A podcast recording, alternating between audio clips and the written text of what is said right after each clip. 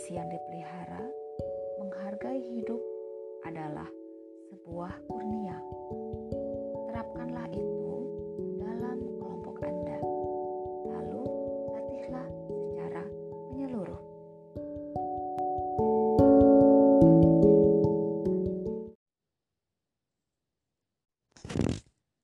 Berbuat baik kepada orang lain dapat melenyapkan kesedihan.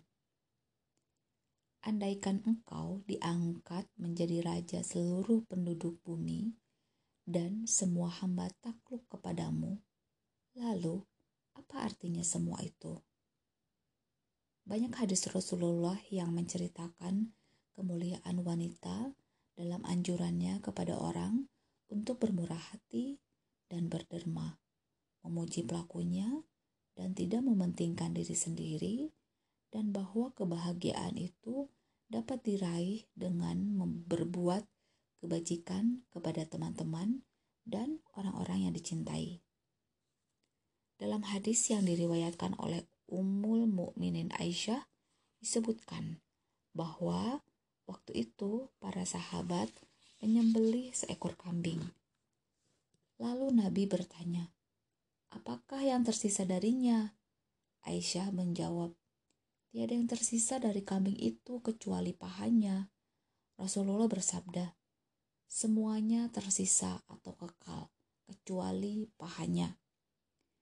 Rasulullah melalui hadis ini menjelaskan kepada keluarganya bahwa sesuatu yang mereka sodakohkan akan kekal pahalanya sampai hari kiamat nanti. Dan bahwa apa yang tersisa di dunia ini lalu mereka makan tidak akan mendatangkan manfaat pahala bagi mereka di akhirat nanti.